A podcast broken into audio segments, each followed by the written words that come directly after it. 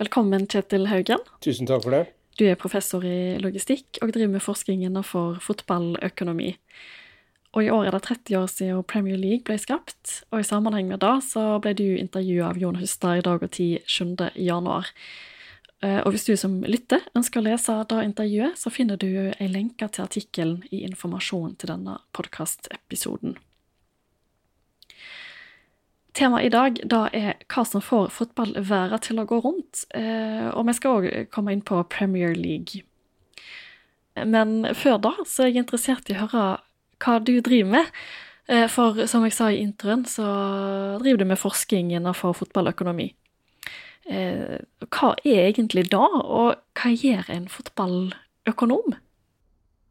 Det er jo ikke noe mer magisk enn at, at fotballen er en bransje som en annen bransje. Så hvis det finnes eh, skogbruksøkonomi eller ressursøkonomi eller helseøkonomi som det for, for øvrig gjør, så, så, er det ingenting i veien for at det også kan finnes fotball eller det som jeg ofte kaller litt av sportsøkonomi.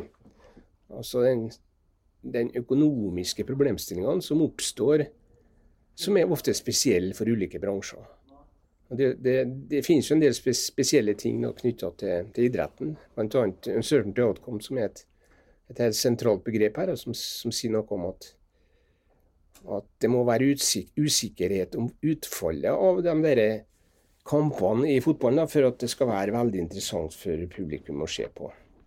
Og Det avstedkommer en del konsekvenser. Blant annet så fører det jo til at det er ikke noe poeng for et fotballag å konkurrere ut konkurrentene sine. Hvis du er bilprodusent, så er du veld, veldig glad hvis du konkurrerer ut produsentene dine. Da har du markedet alene, og du kan selge så mye biler som du aldri før har gjort. Men hvis et fotballag konkurrerer ut eh, sine konkurrenter, så er det plutselig ingen kamper igjen å spille. Og skal du tjene penger i fotballen, så må det spilles fotballkamper. Så enkelt er det. Og Derfor så blir det en veldig forskjellig økonomi knytta til sport og fotball i forhold til normale markeder. Og I USA så har de gjort det her til perfeksjon. Sant? Der har du en såkalt lukka liga, og da, da, kan du på en måte eh, drive det der med sånn, med sånn overskuddsmaksimering som, eh, som, målsetning. og da, da, da kan du da f.eks. hvis du syns at det er litt for eh, enkelte lag har blitt for gode, så kan du da ta inn andre nye lag i ligaen som er bedre, så du får bedre konkurranse. Alternativt så kan du bruke en del instrumenter som de bruker. Altså F.eks. så har de noe som kalles for gate revenue sharing. altså at de lagene som er størst og har eh, flest publikum, de blir da tvunget via det amerikanske systemet til å overlevere en del av, av billettinntektene sine til de mer fattige klubbene. Så har de lønnstak og masse sånne ting i USA som på en måte har som hensikt å opprettholde konkurransen i ligaen, som vi sier, og sørge for at uncertainty outcome er passelig. At den, eh, og Her er det mye spennende som skjer. Da, for at vi, Hvis du følger med litt på fotball, som du ikke gjør, men andre gjør kanskje, så er det jo sånn i Premier League sant, at det er veldig mye av de samme lagene som vinner. Sant? Det er liksom det er Liverpool, det er Chelsea det er, Ja. Så det gjentar seg år etter år. og da da blir ligaen forutsigbar, og da kan vi jo være redd for da, sant, at det blir mindre spennende for publikum, og dermed så blir publikum eh, interessert i noe annet. Kanskje ishockey eller håndball, for alt jeg vet. Og så kan de jo tape kunder, og da, da går jo businessen dårlig. Eh, men da du sa om at det må ikke være for lite konkurranse, og at lagene blir for like. Um, og nå nylig var det jo snakk om å danne en superliga av de beste lagene i Europa, som det ikke ble noe av, da. Går ikke da imot det, det prinsippet om uncertainty of outcome? Nei, det vil jeg ikke si. På et slett, sett ikke. Den superligaen vil jo selvsagt samle lag som er bedre. Som er likere hverandre, men ikke så like at du ikke kan se at eh, Barcelona av og til spiller på en annen måte enn Manchester City f.eks. Det er ikke slik at de blir perfekt like, de blir litt like, litt bedre, og du får litt høyere kvalitet. Uncertainty of outcome blir litt høyere, men ikke for høy. Det blir ikke ren tilfeldighet som avgjør. Det er fortsatt, fotball er fortsatt mulig å se. Med spenning, eh, men ikke for mye spenning. Det vil være noen som vinner den ligaen nå, vet du. Og det vil sannsynligvis bli en klar fordeling der, tenker jeg. Tror du at det er det som er framtida for fotballen? Sånn eh, superliga? Ja, det er fryktelig vanskelig å spå om framtida, du. Det er vel to, to, utviklinger vi kan se for oss. Det ene er på en måte en utvikling mot den amerikanske modellen, der du har på en måte profittmaksimerende lukka liga, som, eh, som, på en måte justerer seg inn hele tida for å opprettholde interessen fra publikum.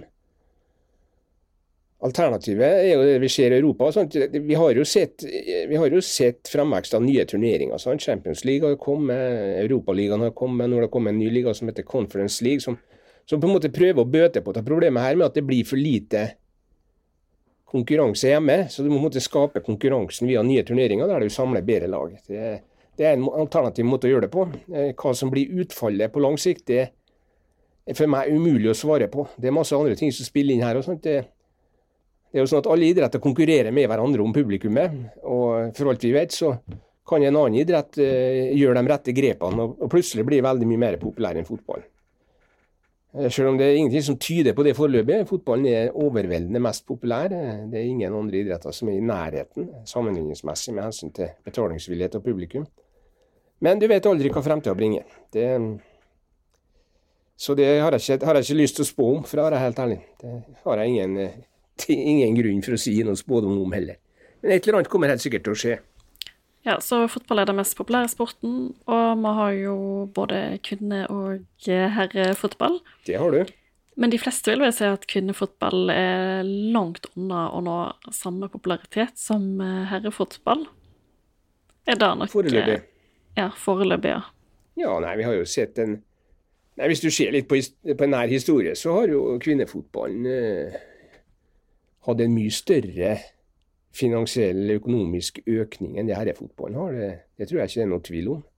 Eh, damefotball har jo nå blitt profesjonalisert i større grad. Det er etter hvert mange norske kvinnelige fotballspillere som blir profesjonelle i utlandet. Det mest berømte eksempelet er vel Ada Hegerberg, som har gjort det veldig stort i franske Lyon. Og hun tjener vel penger så hun greier seg, regner jeg med, uten at jeg har noe særlig oversikt over hennes lønn. Det er vel umulig å få tak i, men jeg tror ikke hun, jeg tror ikke hun tjener dårlig sammenlignet med norske sykepleiere, for å si det sånn. Jeg tror hun tjener mye bedre enn dem. Men det er klart, det er jo sånn i, i fotballen, sant, som det også skrives litt om i intervjuer, at det er ofte en litt, en litt sånn winner takes all-idrett. altså at du må vinne på en måte for å ta ut eh, profitten her. Eh, og Det betyr jo at da får du en del sånne mekanismer som slår inn. Sant? som at, at, eh, at, klubbene blir på en måte tvunget til å kjøpe for dyre fotballspillere. Blir tvunget til å betale dem for høy lønn. Da får du den effekten som er overskrifta i en artikkel sånn, om at proletariatet vinner her. Det er på en måte arbeiderne, spillerne, som stikker av med den økonomiske potten i stor grad. På en annen side så er det fortsatt mye folk som driver og investerer i fotball, som ikke er spillere. og De, de fortsetter jo med det, og det må jo bety at de får noe ut av det, regner jeg med. Idioter er vel ikke så om det da er rene penger eller om det er mer status, det er vanskelig å si. Men uh, i noen grad så tror jeg nok at det er investorer som på rent økonomiske uh, baserte motiver investerer fortsatt i fotballen. Uh, poenget er vel at, betalingsvilligheten er stor. Det er stor interesse for å betale for å se fotball, har det vist seg. Og Det er jo ikke småtteri man betaler hvis man skal se på fotball nå til dags som ikke går på de åpne kanalene. så og i og med at eh, det regimet fortsetter, så må det bety at de som da selger rettighetene, de får de pengene de vil ha. og da da er det et, et, et tydelig tegn sant, på at, at, her er det fortsatt potensial for å ta ut mer, tror jeg. Så det lønner seg altså å investere eller kjøpe en fotballklubb, som til dømes disse sjeikene i Saudi-Arabia gjør? På en eller annen måte så må det gjøre det for dem. Om det, om det er en, rent eh, en ren testosterontest her på hvem som har mest penger, det vet ikke jeg. altså. Men eh, jeg tror ikke at, eh, at det kan være hele, hele bildet. Det, det, må også være noen noe økonomiske motiver ute og går her. Men det er klart, sjeikene er jo spesielle. Sant? Det er litt vanskelig å Jeg kjenner ingen sjeiker. Du kjenner, kjenner, kanskje noen, du? Nei, det gjør jeg ikke. Nei, du gjør ikke nei. nei. Så det er litt vanskelig å uttale seg om dem. De, er, de har åpenbart altfor mye penger. Det, det er det eneste jeg tror vi kan bli enige om. Men hvor kommer den største inntektskilden til fotballen fra? Er det reklame? Sånn per i dag så er det vel TV-pengene som er den største inntekts... Altså de pengene klubbene får for å broadcaste eller sende kampene sine via fjernsyn på en eller annen måte. Det har jo vært voldsomme summer knytta til Premier League her. og det, det, var jo en voldsomt oppsving i klubbene sin inntekt når Premier League ble etablert. Eh, og den har jo bare vært økende etter det, stort sett, så vidt jeg har, kan erindre. Sånn. Så det, det, er nok der det ligger. Nå er det jo selvsagt mye mindre i andre land, men det er jo fortsatt slik, tror jeg, at også norske fotballklubber tar, tar inn relativt store penger fra, fra TV-avtalen, som det vel kalles. da. Den selges jo hvert år. sant? Jeg, vet ikke, jeg husker ikke hva prisen var på den i fjor ennå, men det, det, går sikkert an å finne ut hvis en går inn på Google. Men det, det er jo anselige summer som fordeles mellom klubbene knytta til den sida der. Og så er det jo selvsagt en del klubber som har sponsorer som, er, som bidrar ganske mye. Molde fotballklubb har jo hatt mottatt ja, sånn rundt omkring mellom 10 og 20 millioner tror jeg, fra Røkke Gjelstein-sida i løpet av de siste 20 årene per år. og det, det er klart hvis De har jo ligget på et budsjett på mellom 50 og 100 millioner i perioden, så det utgjør jo en stor andel. da, sant? Det, hvis du mottar 20 millioner med et budsjett på 100, så er det jo 20 det, av, av inntektssida. Så, så det varierer litt fra klubb til klubb. Sant? Det som har blitt vanlig i England, har jo vært at, at styrtrike folk har kjøpt klubber. Sånn fungerer det jo ikke nødvendigvis i Norge. Det er litt variasjon i Norge på modellen her. Sant? Det er jo enkelte klubber som er fortsatt er medlemseid, sånn som Rosenborg f.eks. Mens Molde har en litt sånn blanda modell, sant? der det, er en, det også er næringsinteresser som, som er inne på eiersida. I det tilfellet primært uh, Kjell ja, hva heter det nå? Kjell Inge Røkke og Bjørn Rune Gjelsten er vel de mest berømte på den sida. Omtales for øvrig ofte på internasjonalt som sugar daddies, det her, de som spytter pengene i fotballklubbene på, på privat basis. Det er et ord som er litt belasta, kanskje, men eh, Det er nok litt belasta, da, ja. ja. Eh, men det er altså da 20 lag i Premier League, hvis vi går tilbake der, eh, som får den største delen av pengekaka. Ja. Blir ikke det veldig vanskelig for de mindre lagene, eh, de som ikke er gode nok til å komme inn i Premier League, til faktisk ha en sjanse til å komme seg inn der? Ja, det er jo litt det som er litt av problemet. Sånn at, eh, at, når de store lagene blir kontinuerlig faste gjester i toppdivisjonen, om du kaller det en Champions League eller Premier League, det spiller for så vidt ikke noen rolle, det er to sider av samme sak. så så, så minker jo da en certain outcome. Sant? Da blir det på en måte mer forutsigbart hva som skjer, og, og da forventer du at på lengre sikt at kanskje interessen taper seg. Så, men man, man, forsøker jo da på en måte å bøte på det da ved å, ved å organisere nye turneringer, som jeg snakka om. Sant? At du organiserer Champions League, som gir en mulighet for høyere konkurranse blant de gode lagene, slik at du flytter konkurransen fra det lokale til det regionale til det globale, på en måte. sant? Det, men eh, det løser jo ikke problemene i de lokale ligaene. Og det er klart at hvis, hvis de lokale ligaene blir så forutsigbare at uh, Nå har vi ikke hatt det problemet i Norge, men uh, i England så kan jo det skje altså at, at, interessen taper seg. Så, så, vil jo også i neste steg interessen tape seg for de toppturneringene, kanskje. Eller kanskje ikke. Det er jo der de lærde strides litt. og sånt. Kan vi på en måte tenke oss at vi har bare en fotball på toppen? At den underliggende skogen forsvinner. og Det blir litt den amerikanske modellen. Sant? Du har ikke noe sånn profesjonalisert idrett under toppnivå i USA. Det er bare sånne profesjonelle ligaer som eksisterer på ulike idretter. og Da er det på en måte ligaen sjøl som bestemmer hvem som får lov til å være med, hvor klubbene skal ha hjemsted hen. De har ikke noe problem med å flytte en klubb fra New York til Chicago. Hvis det er gamle ligaen, så gjør de det. Eh, og, og, og, Sånne ting kunne vi jo tenke oss at uh, kan skje også i europeisk idrett, da, spesielt i fotball. Da. Det, andre idrettene er jo som kjent ikke så veldig økonomisk signifikant. så... Ja, for I Tyskland så er det bare ett lag som har ligget på topp ganske lenge, mens i England Bayern München har ligget på topp ganske lenge, ja. Mm. Det har vært visse innslag av Borussia Dortmund og innimellom, men de siste ti årene så har Bayern München vunnet stort sett de fleste seriemesterskapene, tror jeg, hvis jeg ikke husker altfor feil. Men det er klart det hender av og til da, at, eh, at, lag som er litt dårligere, ja, kan få noe ekstra innførsel av penger, få noen gode ideer, være heldige å ansette noen gode trenere osv. Da, da kan de jo plutselig konkurrere. Vi hadde jo en, en dark horse i England som het Leicester, som vant eh, Premier League her et år. Som ingen hadde forventa skulle gjøre det. Så, så, det er jo den måten ting kan fungere på framover, men heldigvis har vi ikke kommet så, så gærent ut i Norge. og Der er det, er det fortsatt relativt omskiftelig hvem som vinner, og relativt omskiftelig hvem som rykker ned og hvem som rykker opp, osv. Brann rykka som kjent ned i år, det var jo uventa for de fleste. og At Jerv rykka opp, det var vel enda mer uventa, tror jeg. Det var det ingen som hadde forventa. Så det av og til så er det fortsatt litt spenning ute og går her. Det er jo mye snakk om penger, da, og noen av disse lagene, hvis vi ser på Saudi-Arabia til dømes, som kjøpte opp Newcastle i fjor, og som har ekstremt mye penger, Er det noen reguleringer som passer på at de ikke bare kan kjøpe opp alle de beste spillerne? Nei, Akkurat der er det ikke det, men det er jo, jo reguleringer på klubbvinduet, som kalles for uh, UF, eller hva er det for noe? Financial Fair Play, tror jeg det heter, som er et sånt system som ble innført for ikke så fryktelig lenge siden. Der, der klubbene på en måte ikke har lov til å lånefinansiere for dyre spillere. da. Men det er klart, hvis det kommer inn en sjeik her og kjøper, så er det jo ingenting som hindrer han i å putte alle de pengene han vinner inn, inn, i klubben. Så der er det, er det, egentlig ingen reguleringer per i dag.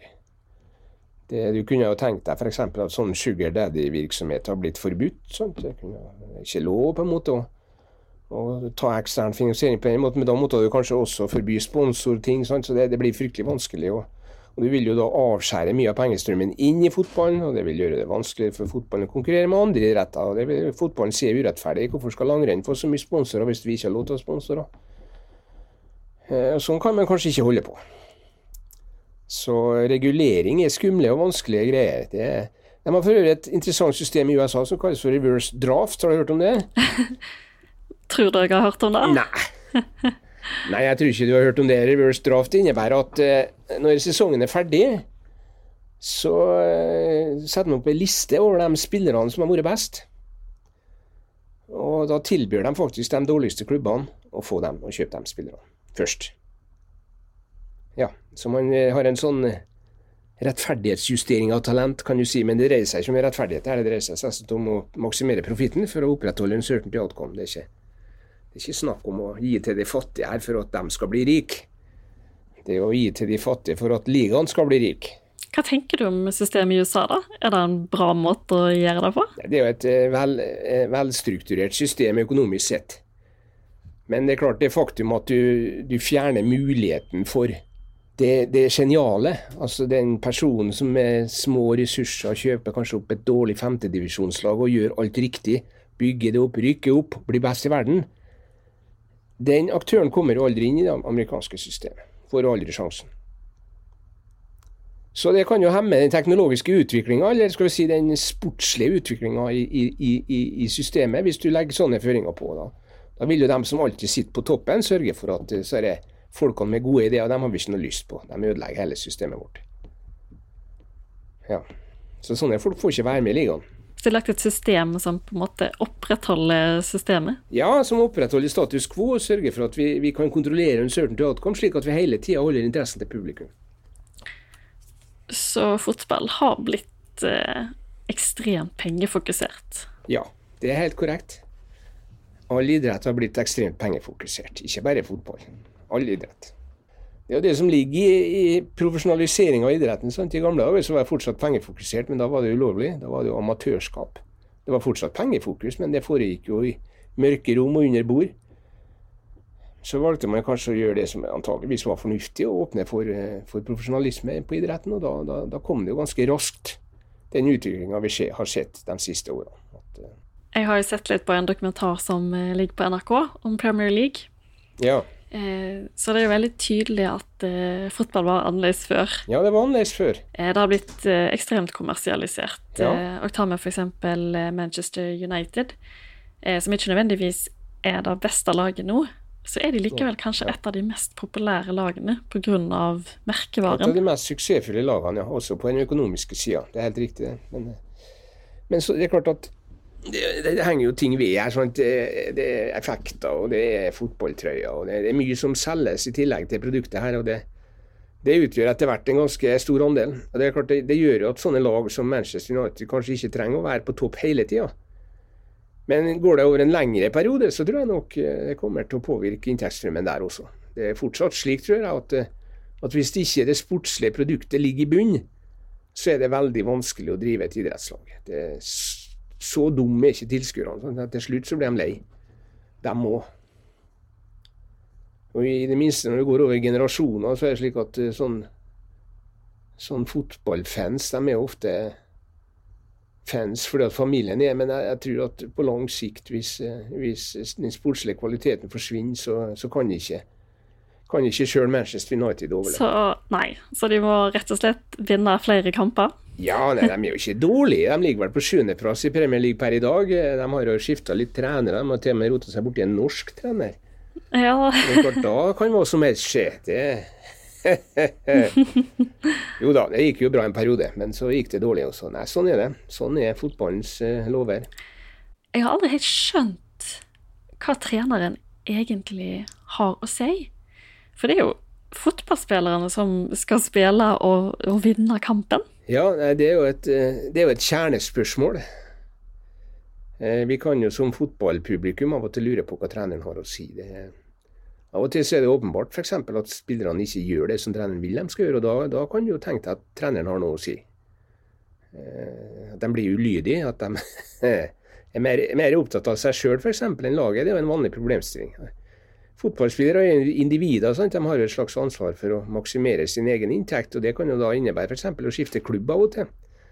Og For å få klubber interessert, så må du jo gjøre noe på banen som gjør klubbene interessert.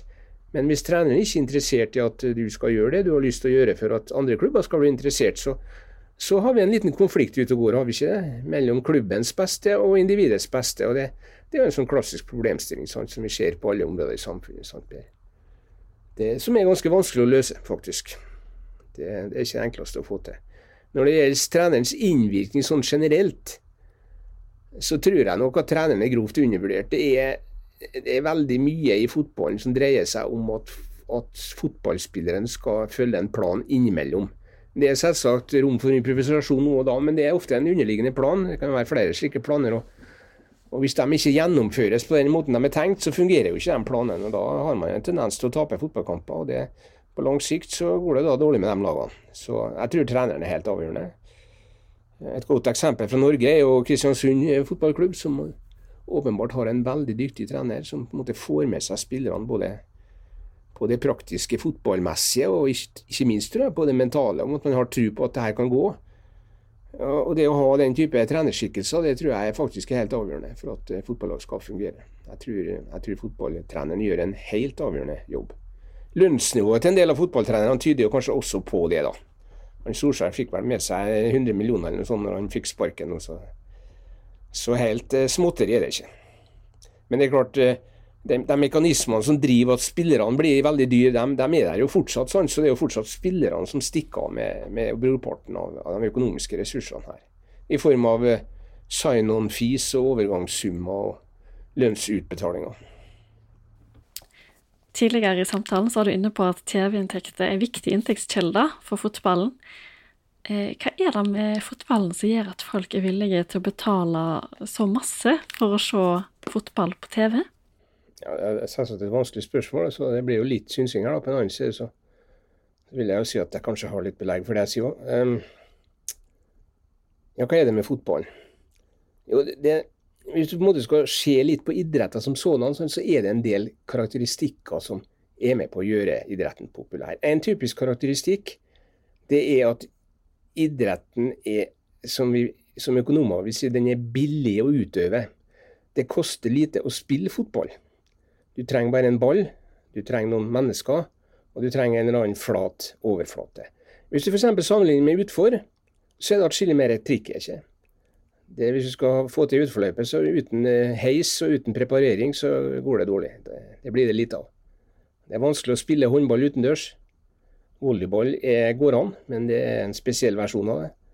Så det, det er åpenbart ett poeng her. Sant? At, at, det at det er lett for unger å spille fotball, det vil på en måte rekruttere publikum lenger fram og skape popularitet.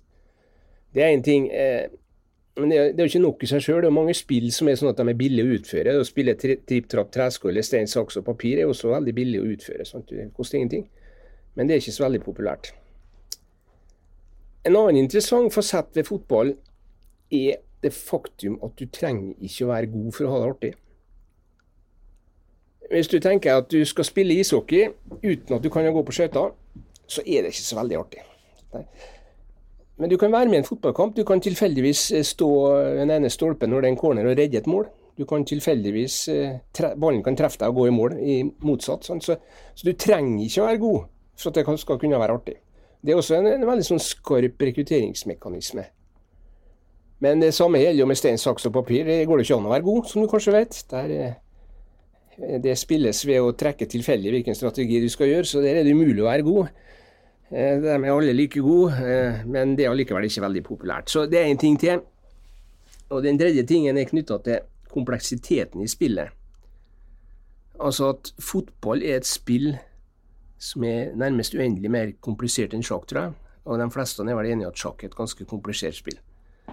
Så den kompleksiteten i fotball den er så stor at det finnes ingen fotballkamper som er i nærheten av å ligne på hverandre. Men hvis du ser på håndball, for å ta et nærliggende eksempel, så, så, så det som på en måte skaper kompleksiteten, er det vi ofte kaller for rommet i et spill. altså sånn, hvor stort går det an, hvor mange forskjellige beslutninger kan spillerne ta. Og Hvis du ser på håndball, så, så er det veldig tydelig sånn at der er det noen regler som gjør at du har f.eks. ikke lov til å spille defensivt. Det tar bort veldig mye av det rommet. Sant? og det, det, gjør at håndballkampene blir likere enn hverandre. Du har ikke lov å gå mer enn tre skritt med ballen. Altså, det er masse sånne regler, sånn som banen er liten, antall spillere er få. Alt det her er med på å redusere den kompleksiteten i spillet som, som gjør at fotball etter min mening, som jeg tror, da, jeg tror at de tre hovedpilarene, spesielt den med kompleksiteten i spillet, som gjør at fotball er så populært. Og ja, jeg tror, tror nok det er et, et, et hovedpoeng om hvorfor fotball er verdens mest populære idrett. Jeg så en gang en statistikk over eh, to fotball-VM og et OL. Og i OL tror jeg det er jeg ca. 270 øvelser. Og det var likevel flere folk som så fotball-VM enn som så OL. Ja, Det sier jo litt da, at fotball er mer populært enn summen av alle andre idretter, på en måte. Og jeg tror at det skyldes at, og I tillegg så tror jeg det skyldes at eh, det konseptet uncertainty outcome av en eller annen tilfeldig grunn er veldig sånn passende i fotball. Altså det, Du får en veldig sånn fin blanding av, av Messis kvalitet, men at Barcelona likevel taper noen kamper. Sånn? Altså Messis kvaliteter som å slå pasninger og skyte skudd og sånn på Barcelona, det, det, det syns folk er morsomt å se på. Men samtidig så syns de det er morsomt å se på at Barcelona taper av og til.